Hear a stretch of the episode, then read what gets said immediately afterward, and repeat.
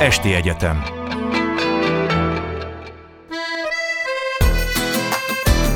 Kimerem mondani. Beszélgetések a lehetségesről.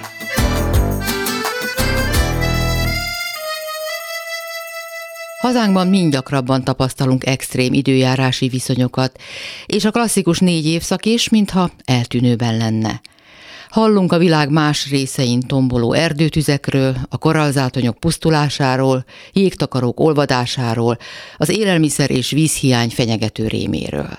Valóban ökológiai katasztrófa közelek? Vagyis mi emberek tesszük mindezt a bolygónkkal, önmagunkkal? Egyénileg mondják, már nem orvosolható a probléma, de szemlélet és életmódváltással időt nyerhetünk a rendszer szintű változások létrejöttéig.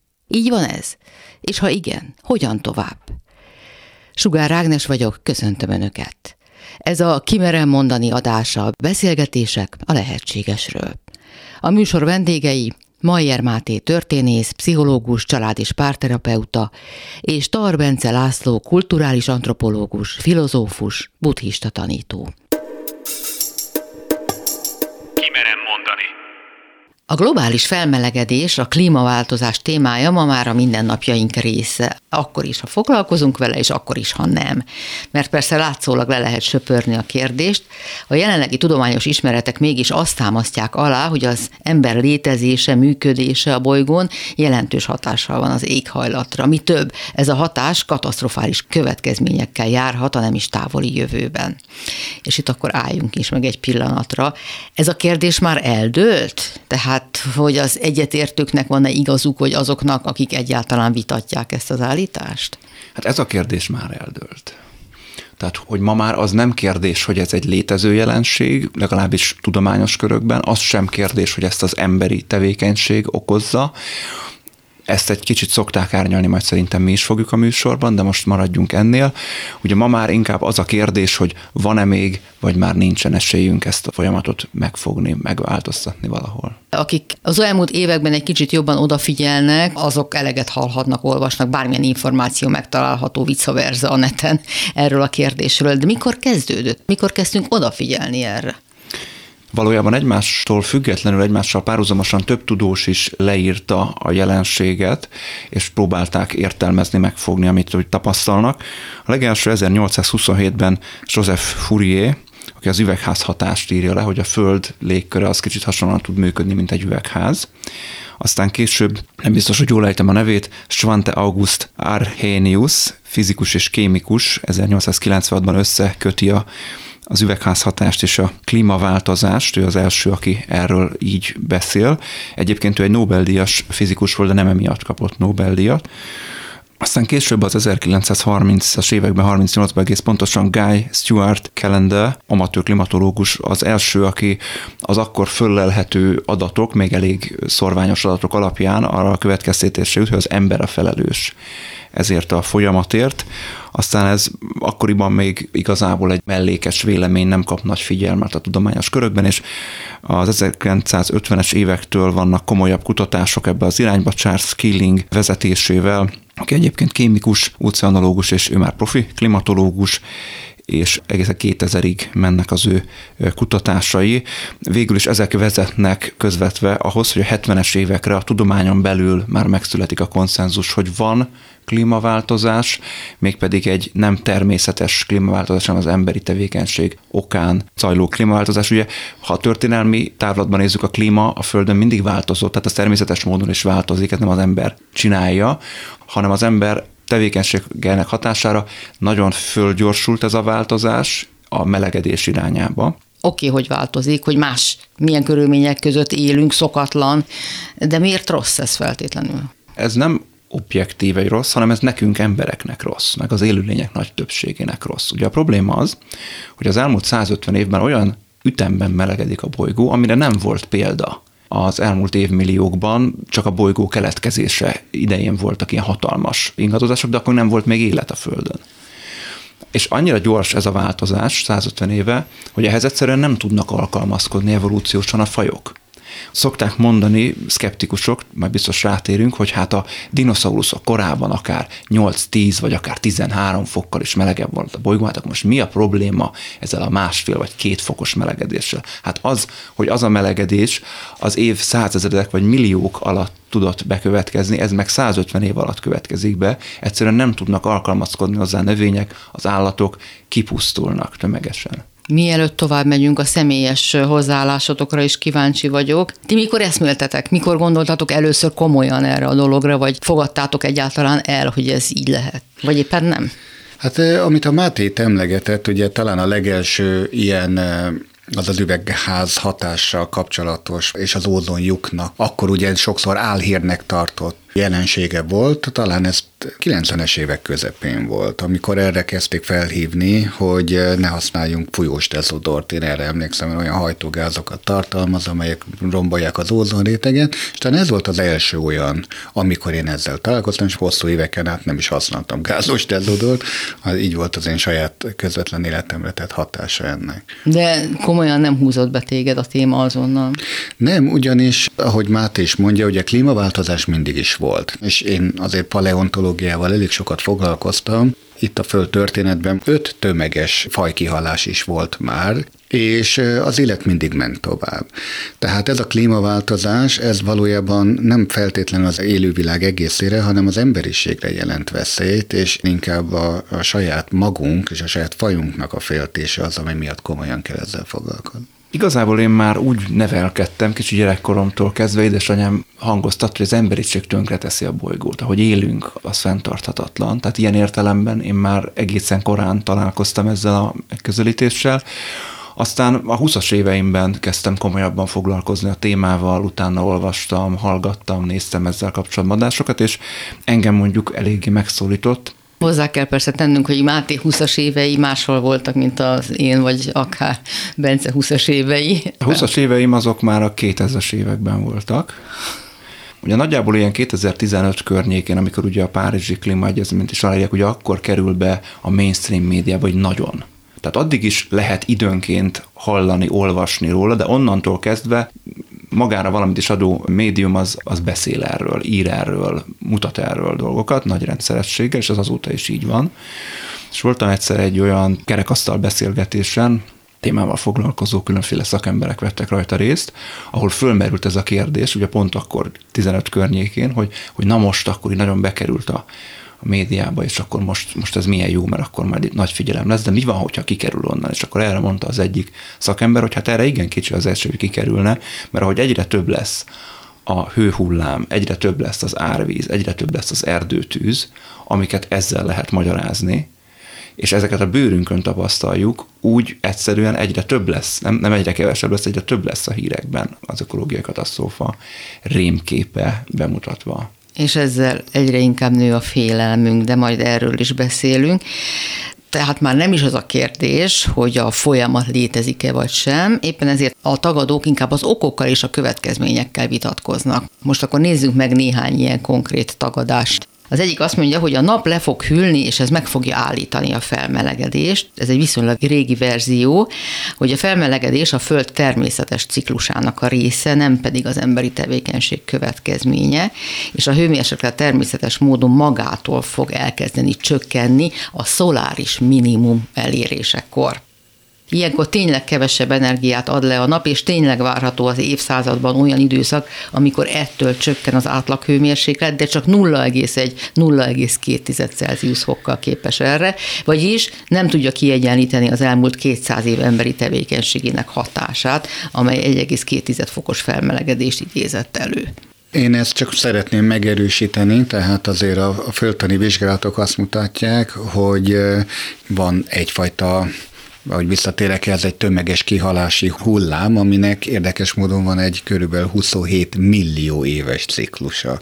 Tehát úgy tűnik, ez elég nagy időtávlat, mintha a Földnek egy természetes megtisztulási folyamata lenne az, hogy egy klímaváltozás következményében valamiért ott bekövetkezik egy tömeges fajkihalás, de ahogy mondod, a napnak a minimális energia kibocsátása az nem indokolja azt a típusú lehűlést, ami ugye például a jégkorszakokat és az eljegesedést okozná, Ez más dolgok is hozzájárulnak.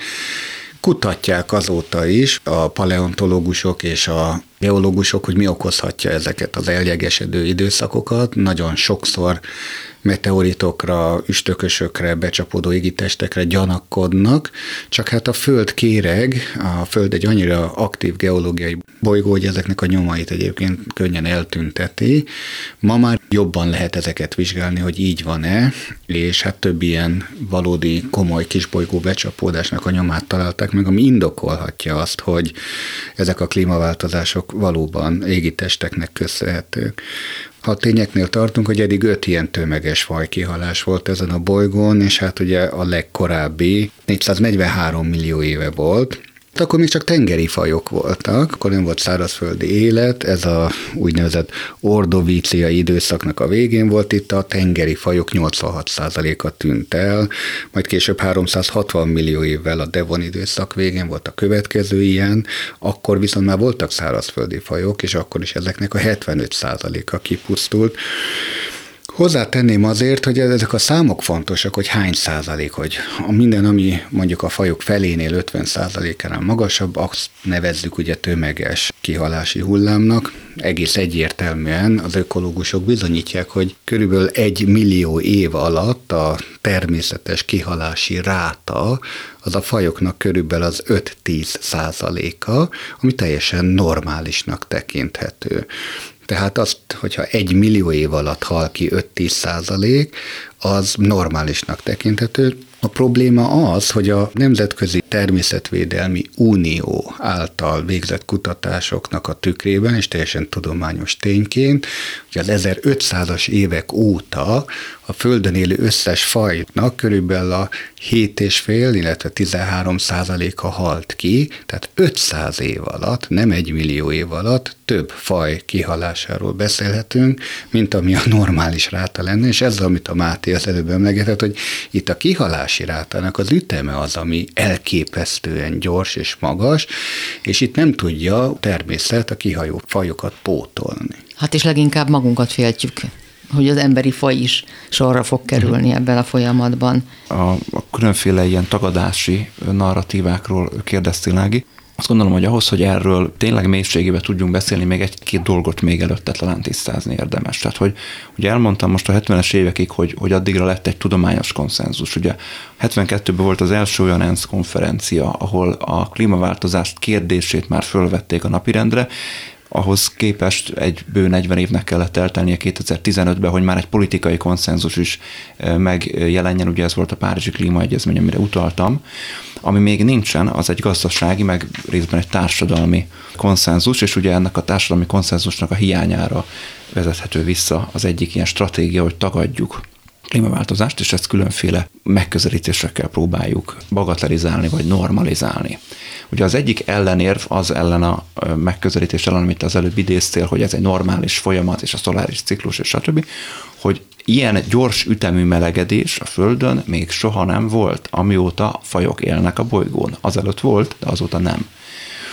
És erre más tudományos magyarázat nincsen jelenleg, mint az emberi tevékenység elsősorban a szénhidrogének elégetéséből és egyéb üvegházhatású gázok kibocsátásából a légkörben óriási koncentrációban feldúsuló probléma halmaz. Akik tagadják, azok hát vagy a dolognak a, a félelmetes, ijesztő voltát próbálják eltolni maguktól, ez egy nagyon érthető megközelítés.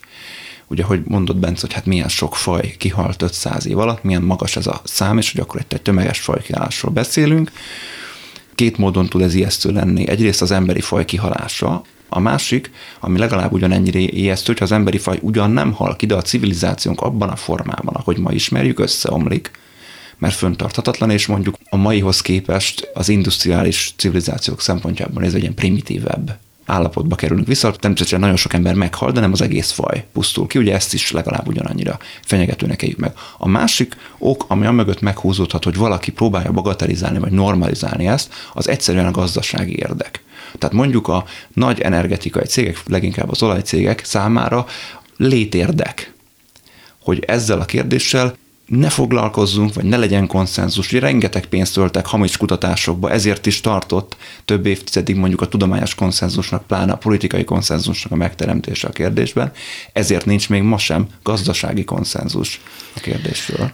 Hát igen, de olvasom éppen a klímaegyezménnyel kapcsolatban, hogy 36-an írták alá, és csak egyetlen afrikai ország teljesíti a vállalásait, Gambia, de például az Egyesült Királyság, bár szeretné jó színben feltüntetni magát, mégis megtörténik, hogy új szénbányákat nyitnak meg, meg olajfúrást engedélyeznek, és gondolom az összes többiben is felelhető ez. Tehát hiába írnak alá egy ilyen egyezményt, hogyha a megvalósítás az nagyon gyerekcipőben jár, de akkor még nézzük nézzünk néhány ellenérvet, ilyen is van, hogy a globális felmelegedés valójában jó az emberiségnek, mert így a Föld nagyobb része válik élhetővé, és egyébként is a hideg több emberrel végez, mint a meleg.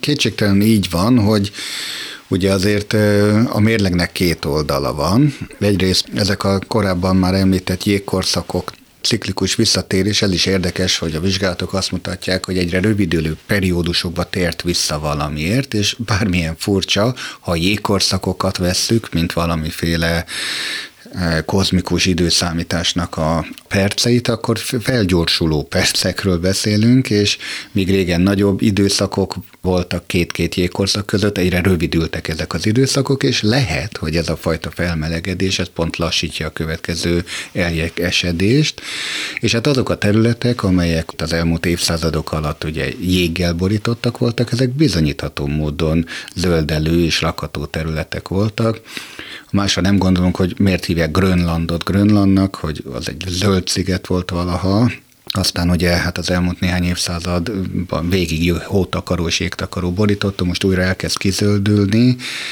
Érdekes, hogy akik ezt vizsgálták, pont ezt a jelenséget használták fel valamiféle környezetvédelmi melankólia megfogalmazására, hogy milyen jó volt az, amikor még jéggel borított volt ez a terület. Hát most már nem az, lehet, hogy újra lakható lesz. Tehát ez kétségtelen igaz. Más területek meg lakhatatlanok a felmelegedéssel arányosan. Ugye aki ezt a nézetet hangoztatja, amit te mondtál, Ági, szerintem nem egészen van tisztában az ökológiai válságnak a kérdéskörével. Ugye nagyon sokszor a hétköznapi nyelvben is globális felmelegedésről, vagy klímaváltozásról, vagy klímaválságról beszélünk, de valójában az ökológiai válság az egy nagyon sok tényezős, nagyon összetett, komplex válság. Ennek része a fajkihalás is, amit említettél, Bence, része a tengerszint emelkedés, része a termőtalajnak a pusztulása, eróziója része az édes vízkészleteknek a fogyása, pont a termőtalaj erózióval egyébként szoros összefüggésben, az óceánok elsavasodása, majd beszélünk róla, hogy ez miért probléma, az esőerdőknek a kipusztulása, az óceánok az elszennyeződése és a fölmelegedés. Tehát ilyen sok tényezős az ökológiai válság, ennek csak egy eleme a felmelegedés. Ezek az elemek, ezek mind hatnak egymásra, mind köcsölatásban vannak egymással. Tehát amit mondasz, Ági, hogy igen, tehát hogy lakhatatlanná válnak a Föld bizonyos részei, és igaz. Tehát annyi igazság van ebben az állításban, hogy a Földnek lesz olyan része, ami a klímaváltozás hatására legalábbis időszakosan mondjuk élhetőbb lesz, mint ma. Például a Szahara az kizöldülhet, mert a változás olyan irányba mehet el, hogy akkor oda csapadék kerül, de mondjuk közel-kelet, az egykori Mezopotámia bizonyos régiói azok szó szerint alkalmatlanná válnak néhány évtizeden belül egyébként az ember életre. Szíria nagy része például ide tartozik, mert olyan magas lesz a hőmérséklet és a páratartalom egyszer, hogy az ember egyszerűen elájul, majd meghal ilyen környezetben. Másrészt ugye a tengerszint emelkedése az elnyel bizonyos területeket, ez is egy, egyébként egy önmagát gerjesztő gyorsuló folyamat. Európa például elszárad, hogy azért ennek nagyon sok olyan következménye lesz, ami a Föld egészére nézve nekünk inkább hátrányos, mint előnyös, és gondoljunk bele, hogy amit ma megeszünk, az nagyon-nagyon kevésféle növény és állatfaj. Ha ezek bármelyike, mondjuk a búza, az ökológiai válság, a klímaváltozás hatására tömegesen kipusztul, akkor visszatérnek az éhínségek. Igaz ez a kukoricára is. Vagy a rizsre, amelyik nagyon vízigényes. Hogy fűzzek Máté, csak annyiban arra, hogy említed ezt a tömeges fajkihalást, hogy mindazok, akik ugye a klímaváltozást tagadják, illetve ennek a negatív ökológiai hatását, hát borzasztóan egyszerűen gondolkodnak az életről ezen a bolygón, és nem veszik tudomásul azt, hogy ennek az élő bolygónak, élő világát nézzük, akkor 95%-a az a gerinctelenek csoportjába tartozik, és legnagyobb mértékben ezeket a mikrobákat érinti az a klímaváltozás, hiszen azok sokkal érzékenyebbek ezekre a környezeti változásokra, és nem tudnak nagy távolságokat megtenni annyira egyszerűen, mint mi emberek. És nem vagyunk tisztában, hogy ugye a mi egész élő világunknak a fundamentumát nem a látható világ organizmusai alkotják, hanem azok a láthatatlan mikrobák, akik a föld rétegnek, vagy teljesen a termőtalajnak mondjuk az első három méterében élnek. Egyébként ez is nagyon érdekes, hogy ez a biomassa, ami a Földben itt él, az az összes létező, úgymond szemmel látható állatvilágnak azt hiszem a 100 millió szorosát teszi ki, tehát ennyivel nagyobb biomasszáról beszélünk. Ha ők kihalnak ennek a klímaváltozásnak, akkor, ahogy te is mondod, eltűnik a termőtalaj, eltűnik az élet, és ezen keresztül minden így nagy testű állat is. Legalábbis ideiglenesen, hát pár millió évre hagyj be még egy szempontot az ellenérvek közül. A klímaváltozással kapcsolatos intézkedések miatt még jobban nő majd a szegénység. A gazdasági növekedést a fosszilis energiaforrások működtetik, ugye ezek a nem megújuló energiák, a szén, a kőolaj, a földgáz és hasonlók. Ez szerint, ha azok használatát korlátoznánk, akkor megállna a növekedés, ami a legszegényebbek számára jelentene legfőképpen katasztrófát. Igen, ez egy nagyon-nagyon mérlegelendő dilemma egyébként. Az a probléma, hogy az a civilizáció, amiben mi élünk, az, hogy ha szénhidrogéneket nem égetnénk el, akkor leállna. Ez a civilizáció a szénhidrogének teszik lehetővé, de valójában a gazdaság felől lehet ezt jobban megérteni, a kapitalizmus természete felől lehet jobban ezt megérteni. A kapitalizmusnak a lényege a folyamatos növekedés, a vég nélküli növekedés. A probléma az, hogy a föld viszont véges, az erőforrásai végesek, és egy véges rendszerben nem lehet végtelenül növekedni. Ugye ennek a növekedésnek a határaival kezdünk egyre inkább szembesülni most, és ez nem csak a szénhidrogéneket érinti egyébként, hanem például sokkal hamarabb a ritka földfémek, ugye ezek vannak a mindenféle fejlett informatikai eszközökben, többek között egyébként a szél és a naperőműveket is ezek működtetik. Ezért mondja Gerencsér professzor, hogy nem biztos, hogy a nap és a szélenergia a megújulókra való átállás, hogy az egy valós alternatíva 8 milliárd ember számára, mert egyszerűen nincs elég ritka földfém, hogy a teljes energiatermelést átállítsuk erre, és alternatív megoldásokat lehet találni, de mire azok elterjednek, mire azokat bevezetjük, az mindig idő. És ugye amiről viszonylag nagy az egyetértés a tudományos körökben, hogy időnk az már nem nagyon van. Tehát, hogy nagyon gyorsan kell cselekedni. A kérdés az, hogy mit cselekedjünk. És a kérdés az is, hogy ki fizesse meg ennek a cselekvésnek az árát. Ugye ez az ellenérv a szocioekonomiai szempontot, ugye a szegénységet hozza be, hogy akkor a szegények fizetnék meg az hát ő föl, föl nem zárkózásuk, illetve a mi leszegényedésünk, az ugye együtt járna ezzel, és az igaz. És ez igaz, mert ha fönn akarjuk tartani az emberi életet többé-kevésbé hasonlóan, mint ahogy az ma van a bolygón, akkor bizony nem Ausztriát kell utolérnünk, hanem le kell szegényednünk valamelyik közép-afrikai ország szintjére, mert az föntarthatóan él, mi meg nem. Mátéval maximálisan egyetértek.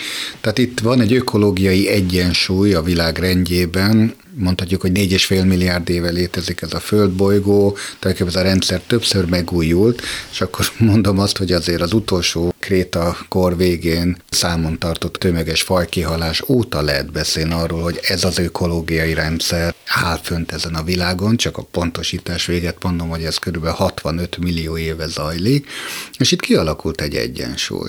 Na most, ahogy mint a Máté mondja, hogy itt van egy olyan energiaészség, ami viszont nem tükrözi ezt az ökológiai egyensúlyt, tehát sokkal több energiát fogyasztunk, mint amire valójában ez a rendszer hát kitalálva lett és hála az Istennek azért azt tudom mondani, és én mindig hiszek az emberiségbe és a pozitív jövőképbe. ilyen is van, igen. Ilyen is van, hogy mondod, hogy igen, ezek a megújuló energiaforrások nem biztos, hogy ezt az elképesztő energiaválságot ki tudják majd elégíteni, de van egy Kardesev skálának nevezett eh, civilizációs osztályozás, ami azt mondja, hogy hol tart egyáltalán egy civilizáció, és azt mondja, hogy a legelső szint az az, amikor valaki a saját zárt rendszerének az energiaforrásait használja csak föl, és ezeket zsákmányolja ki, mi most itt tartunk, mondhatjuk. Azért vannak magasabb civilizációs fokok, amikor rá tudunk ismerni technológiai vívmányaink által arra, hogy hát magát ezt az egész rendszert egy sokkal mélyebb szinten milyen energiaforrások hozták létre, és azokat tudjuk kiaknázni, így mondhatjuk, hogy a saját naprendszerünk teljes energia háztartásával dolgozunk. A nap elemzése és a napban zajló energetikai folyamatoknak a most a rekreációja, ami zajlik ezekkel a fúziós reaktorokkal, reaktorokkal.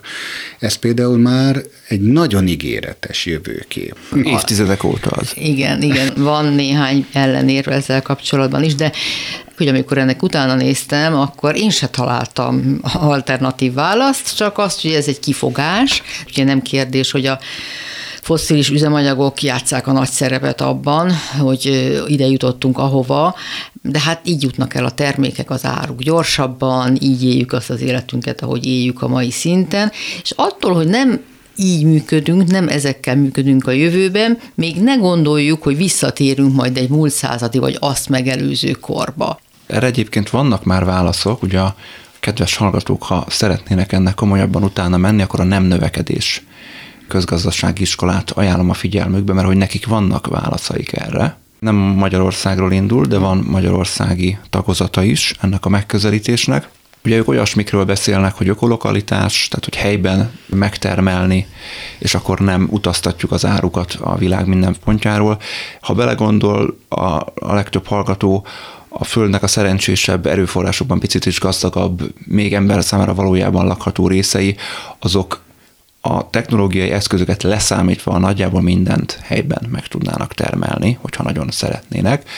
Hogy ez nem így történik, ennek az oka az elsősorban gazdasági érdekekre vezethető vissza, ugye olcsóbb a harmadik világ munkaereje, ezáltal lejjebb lehetett vinni a termékek árát, ugye a tengeri kereskedelem meg nincsen megadóztatva, és ezáltal tud még úgy is olcsóbb lenni mondjuk a kínai fokhagyma, mint a magyar, hogy egy fél világot kell átutazni, amire ideér ezt azért hangsúlyoznám egy picit, mert hogy a problémának a gyökerén azt hiszem, hogy itt van. Tehát nagyon sokszor, amikor a hétköznapokban a klímaváltozásról vagy az ökológiai válságról beszélgetünk, akkor ez egy ilyen technológiai problémaként jelenik meg. Hát az a baj, hogy túl sok fosszilist égetünk, meg az energia, és ez tényleg mind baj, és ez a része a problémának, de a gyökere szerintem nem ez, hanem a gazdaság. Tehát ahhoz egy gazdasági szemléletváltásra volna szükség, újra kellene definiálni, mondják egyébként a zöldek, hogy mit tartunk a jó életnek, hogy az a jó élet, hogy minden évben elmegyünk nyaralni a világ másik végére repülővel, hogy tárgyakat halmazunk föl, és 10-12 órát dolgozunk azért, hogy ezt az életet finanszírozni tudjuk, hogy ez a jó élet, vagy valami lassabb, valami kicsit kevésbé energia és technológia intenzív élet. Azt gondolom egyébként, hogy többféle válasz is adható különben az ökológiai válságra. Ezek közül csak az egyik a nem növekedés. Van erre egyébként egy nem túlságosan hangoztatott kapitalista válasz is, hogy nagyon egyszerűen kapitalista megközelítésben is lehet kezelni az ökológiai válságot, mindennek meg kell emelni az árát. És ezáltal leszűkül azoknak a köre, akik hozzáférnek a javakhoz. Tehát akkor nem kell megváltoztatni az életmódunkat, legalábbis egy szűk elitnek nem, Mindenki más, az pedig egy sokkal technológia szegényebb világban élhet majd tovább. Ugye erre egy fajta disztópia, a Fehér Király című könyv és az abból készült film, ahol ugye nagyon szűk elit használja a csúcs technológiát, a maihoz képest is csúcsabb technológiát, ott vannak innovációk, a többség az meg mondjuk, mint a középkori jobbágyok nagyjából úgy élnek falvakban. De tehát micsoda társadalmi egyenlőtlenséghez és feszültséghez vezetne mindez? Hát a helyzet az, hogy ez az egyenlőtlenség nagyobb rész már most is megvan. De mégis vannak illúzióink, az és hogyha az sem marad, akkor aztán a harag is nő, nem? Maximálisan egyetértek az, amit mondasz, hogy itt szemléletet kell váltani, életmód váltásra van valójában szükség, hogy mi is a valódi boldog élet, és mi jelent mondjuk harmonikus egyensúlyban élni a környezettel. Valóban nem attól kell, hogy valaki boldognak érezze magát, hogy Kínából importálja a fokhagymát csak azért, mert olcsóbb. Tehát ez, ez tényleg elképesztően rövidlátó gondolkodásmód. Pedig hát egyre inkább így élünk. Én azt gondolom, hogy ebben van egy tudatos réteg, aki nem így él, és aki valóban életmódváltó, és aki jobban odafigyel erre, valóban ezt a fenntarthatóságot tartja elsősorban szeme előtt. Mert az egész gondolkodásmód annyira friss, ahogy mondtad, hogy 40 évvel ezelőtt robbant be a köztudatba, vagy egyáltalán gondolkodjunk erről, hogy hogy lehetne egyensúlyt teremteni, és én nem vagyok egy ilyen öko-nihilista, aki azt mondja, hogy bármit teszünk, az mindenképpen már visszafordíthatatlan, mert hogy igazából azért ezt a nagy ökoszorongást, ami most a köztudatban van, inkább azok a kicsit hamis vádak, bár mi is innen indultunk, hogy ez egy fenyegető jövőkép, és van egy ilyen lehetséges szenárió, hogy visszafordíthatatlan tömegpusztuláshoz fog vezetni, Azért hagyd mondjam azt, hogy csak a, megint a, a tényadatok kedvéért, hogy legalábbis a korábbi időszakokban az ilyen tömeges fajpusztulásoknak a nagyjából hozzávetőleges időtartama az 2,8 millió év volt, tehát azért ez elég hosszú idő, mire olyan mértékben felborul ez az ökoszisztéma, hogy valóban ilyen tömeges fajpusztuláshoz vezet. Most már egyrészt ismerjük ezeket a folyamatokat, és bele tudunk avatkozni, és tudunk másként cselekedni. És hát kérdés, hogy tudunk-e? Vagy csak ez egy illúzió, mert valójában nem változtatunk. De még nincs vége a sornak, mielőtt a lelki vonulatára rátérnénk mindennek. Az is van a vádak között, hogy a megújuló energiaforrások megbízhatatlanok az áramkimaradások rémére gondolnak ilyenkor, akik ezt emlegetik föl. Egyesek szerint a nagyobb amerikai áramkimaradásokért a szélturbinák felelősek. Hát ugye ez megint egy teljesen gazdasági szemléletű megközelítés, mert igaz, hogy a szél nem mindig fúj, meg a nap nem mindig süt. Az is igaz, hogy az energiatárolás problémája az ma még minden szempontból megnyugtatóan nem megoldott. Ráadásul ebben van lokális különbség is, tehát ahol mondjuk nagy hegyek vannak, és erős vízű patakok, ott mondjuk lehet a, a vízben ugye tárolni az energiát zsilip rendszerekkel, hogy akkor földuzzasztjuk, és aztán leengedjük, és annak az energiája pörgeti meg mondjuk a, a generátoroknak a kerekeit, de ahol síkság van, ott ezt nem annyira tudjuk alkalmazni, tehát hogy mindenhol másfajta megközelítés az, ami tudna működni. És ugye ez a megközelítés abból indul ki, hogy baj az, hogyha ingadozik az energia, hogyha nincsen mindig áram. Tehát már annyira hozzászoktunk, a gazdasági rendszerünk is hozzászokott, hogy mindig legyen áram. Ha esetleg majd nem mindig lesz, ami egyébként elég valószínű, akkor hát ennek ilyen komoly gazdasági következményei. Csak azért nevetek ezen, mert ez azért egy, bocsánat, egy cifra nyomorúság. Tehát azt mondani, hogy úristen, negyed órára elment az áram, vagy két óráig nincsen, miért gondoljuk azt, hogy ahogy te is az előbb Máté említetted, hogy például az áramnak állandóan rendelkezésre kell. Olyan kényelmi szempont, és hát nem öregbítem magamat, de hát az én gyermekkoromban volt hivatalosan bejelentett áramszünet. De mindenki tudott róla, mindenki számított rá, és hát az életünk része volt. Ez a fajta kényelmetlenség, ez úgy gondolom, hogy bőven elviselhető, ha mondjuk ezen múlna az ökológia egyensúly. A nagyobb probléma szerintem a mezőgazdasággal van.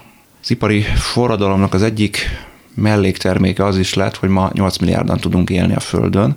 Korábban nem azért nem éltünk ennyien, mert az emberek ne akartak volna sok gyereket, sőt, hát ha belegondolunk, sokkal igen. nagyobb lélekszámú családok voltak a világnak ezen a felén, a világnak más felein most is vannak olyanok, hanem egyszerűen egyrészt az egészségügy, másrészt a mezőgazdaság nem állt olyan szinten, hogy etetni, illetve egészségben tartani, vagy hát a halált elkerülni, meg tudták volna oldani ilyen sok embernek. Tehát akkor is sok gyerek született, csak abból sok meg is halt.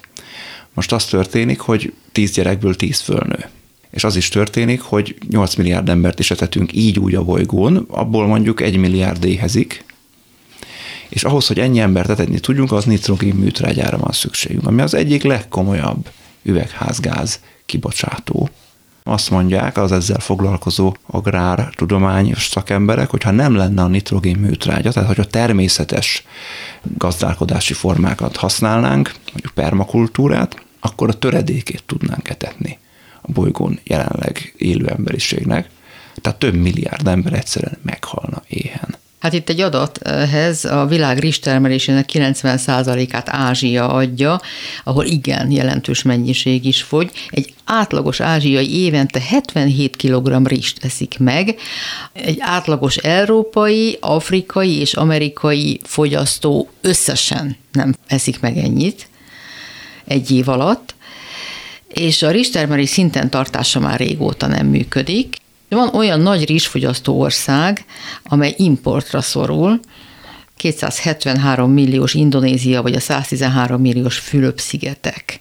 Tehát, hogy például a rizs, amely rendkívül vízigényes egyebek mellett, hát az igencsak valami zöld reformra szorulna a rizsfogyasztás. Hát és az még a kisebbik baj, mert a nagyobbik probléma az, hogy ahogyan az elmúlt évtizedekben harmadik világ országainak jelentős részében megnőtt az életszínvonal, egyre többen elkezdtek húst tenni, és a hús az sokkal erőforrás igényesebb, mint mondjuk a rizs, sokkal nagyobb károsanyag kibocsátással is jár, különösen a marha farmok, és itt nem a zöldmező legelésző marhákra kell gondolni, hanem a szügyig trágyában álló, kikötözött és nagyon-nagyon pici területre besúfolt, egyébként jellemzően a letarolt esőerdők helyén tartott óriási marhafarmokra, mondjuk Argentinában, onnan jön a legtöbb marhahús világszerte annak óriási az ökológiai lábnyoma, nagyon-nagyon sok metánt bocsátanak ki a marhák. Mint ahogy a birkák is egyébként, és állítólag hát Új-Zéland és Wales jár ebbe, azt hiszem talán az élet.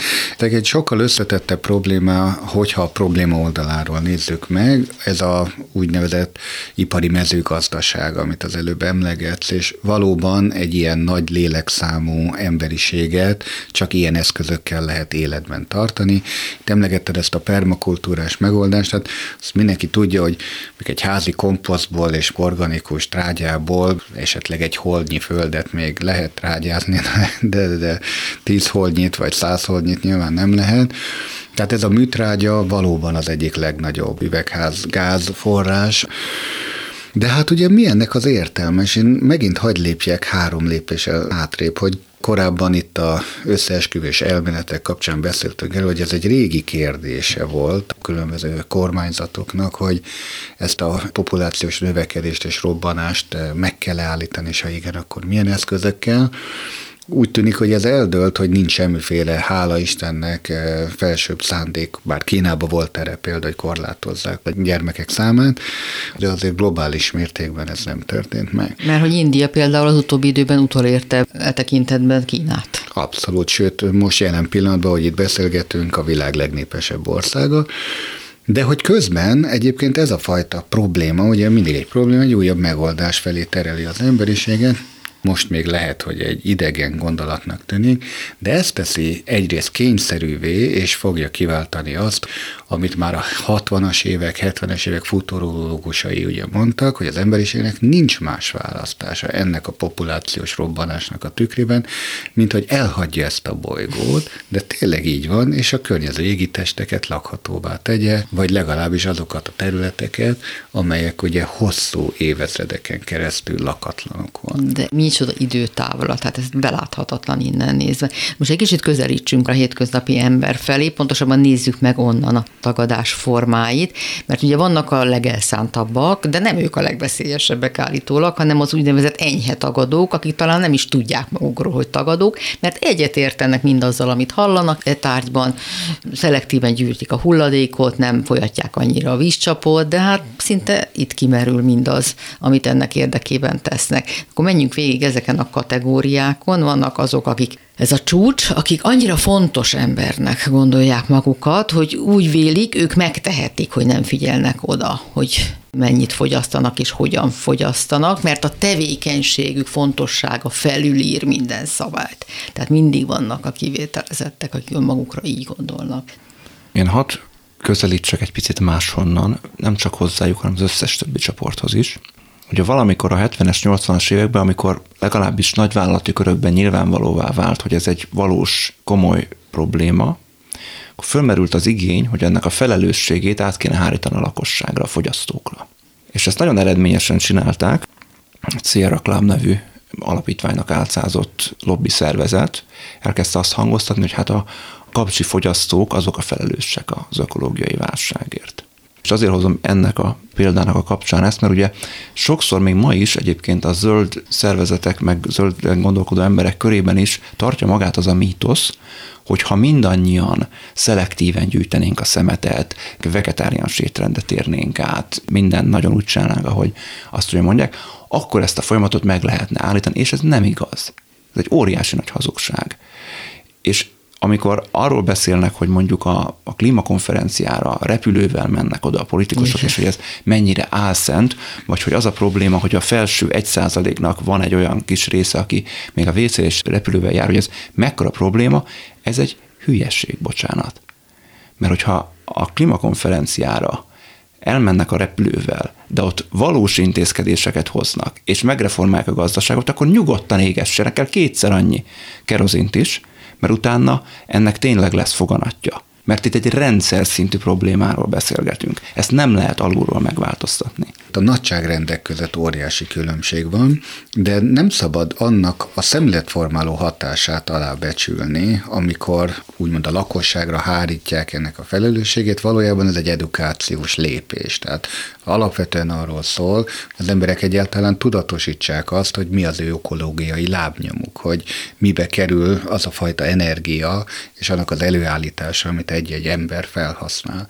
Én azt gondolom, ha valaki elkezd így gondolkodni, és valóban megfontolja, hogy most kocsival menjek valahová, vagy meddig viseljek egy ruhát, és hogy szükségem van nem itt a két-három évente lecserélni a teljes ruhatáramat, vagy átrendeznem a lakásomat, kidobálnom a régi bútoraimat, lecserélni az elektronikai eszközömet, stb., hogy mekkora lábnyomot hagyok itt ebben a földben, ebben igenis azt gondolom, hogy van az egyénnek felelőssége, és azok a VIP-k, akik úgy mondanak, hogy ez rájuk nem vonatkozik, pusztán azért, mert az ő tevékenység kiemelten fontos, azok nagyon hamis énképpen rendelkeznek. Ehhez hadd kapcsolódjak egy picit, mert nagyon fontos azt gondolom, amit mondasz. Ugye a problémának az egyik oldala az, hogy a lakosság és ebbe a VIP is beletartoznak, az nagyjából, ha most csak a klímaváltozást, meg csak a károsanyag kibocsátást nézzük, akkor nagyjából 5 és 10 százalékáért felelősek a problémának. Tehát ha mindenki változtat az életmódján, akkor ez 5-10 százalékot jelent. A maradék 90-95 százalékért a cégek felelősek.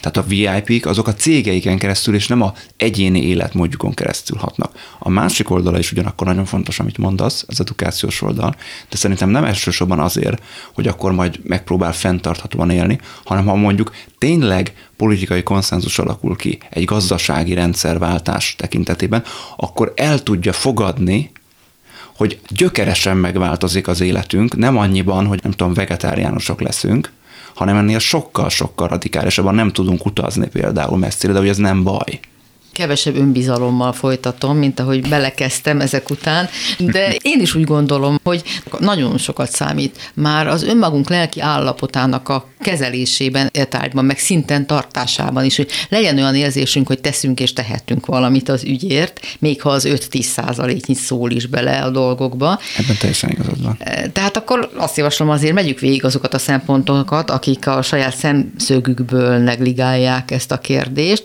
Például vannak a technológia hívők között olyanok, akik arra számítanak, hogy valamilyen nagy-nagy technológiai áttöréssel az emberiség úgy is meg fogja oldani ezt a problémát amit már az előbb kezdtél említeni, a fúziós energiára, a következő generációs nukleáris energiára, vagy a széndiokszid légkörből történő kivonására gondolnak. Szóval, hogy ők ide tolják át a probléma megoldását, és nem veszik magukra. Akkor ezek szerint ez egy helyes megközelítés? Hát ez ma a mainstream megközelítés, a technooptimizmusnak hívják.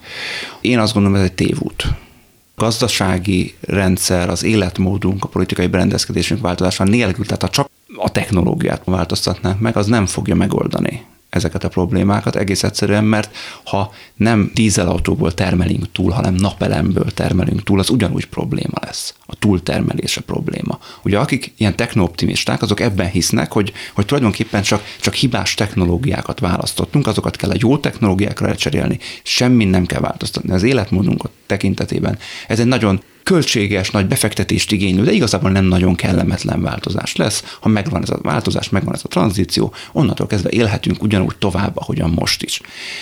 Amit én mondok, és amit egyébként a tudomány konszenzusa is ma állít, az, hogy nem egy kis mellékvágány, aminek a következménye mondjuk az ökológiai válság, hanem a rendszer maga működik rosszul, a rendszer maga termeli ki.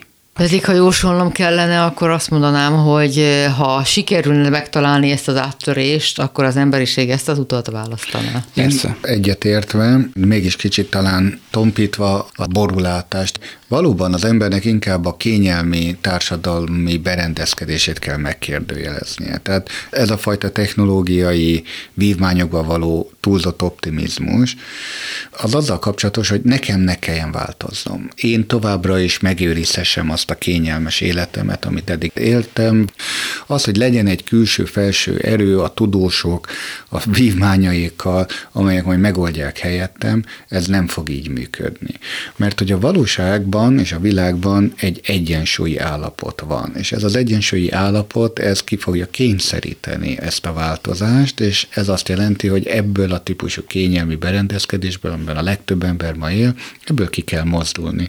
És az az első, amit hogyha az emberek megértenek, hogy valóban kényelmetlen mondjuk tíz évig ugyanazt a pulóvert hordani, és nem Kínából importálni, hanem mondjuk egy helyi vállalkozástól vásárolni? Tovább megyek, ugye manapság az is cél, hogy évente cseréld le a ruhatáradat, nem feltétlenül azért, mert kimegy a divatból, hanem mert olyan silány minőségű, az, hogy ma már nem tart tíz évig egy nadrág, hát egy pontosan. pulóver. Igen, igen. Hát, hogyha ez a szemlélet mondjuk változna, akkor az a pulóver már nem olyan pulóver lenne, mint amit most megveszel. Hát nem, pontosan. Tömeggyártásból. Így van. És ez, ez ugye egy gazdaságfilozófiai kérdés, ez nem egy technológiai kérdés. Nem hát arról van szó, van. hogy ma ne tudnánk olyan tartós pulóver gyártani, mint mondjuk 50 évvel ezelőtt tudtunk. Igen. Hanem ma nem akarnak olyan tartós pulóver gyártani.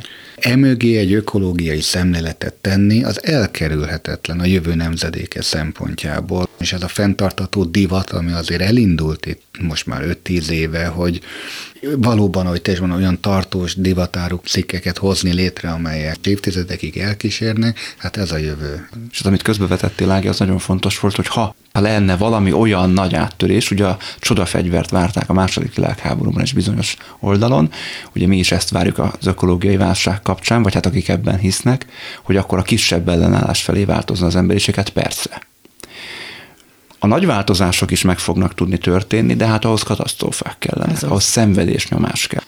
Szerintem a realitás az, hogy a változás útja az egy ilyen kevert út lesz, amiben lesznek katasztrófák is, helyi szintű katasztrófák elsősorban, lesznek felfedezések is természetesen, lesz gazdasági változás, lesz politikai változás, lesz társadalmi változás, nem feltétlenül abba az irányba, mint mondjuk nagyon sok zöld gondolkodó szeretné.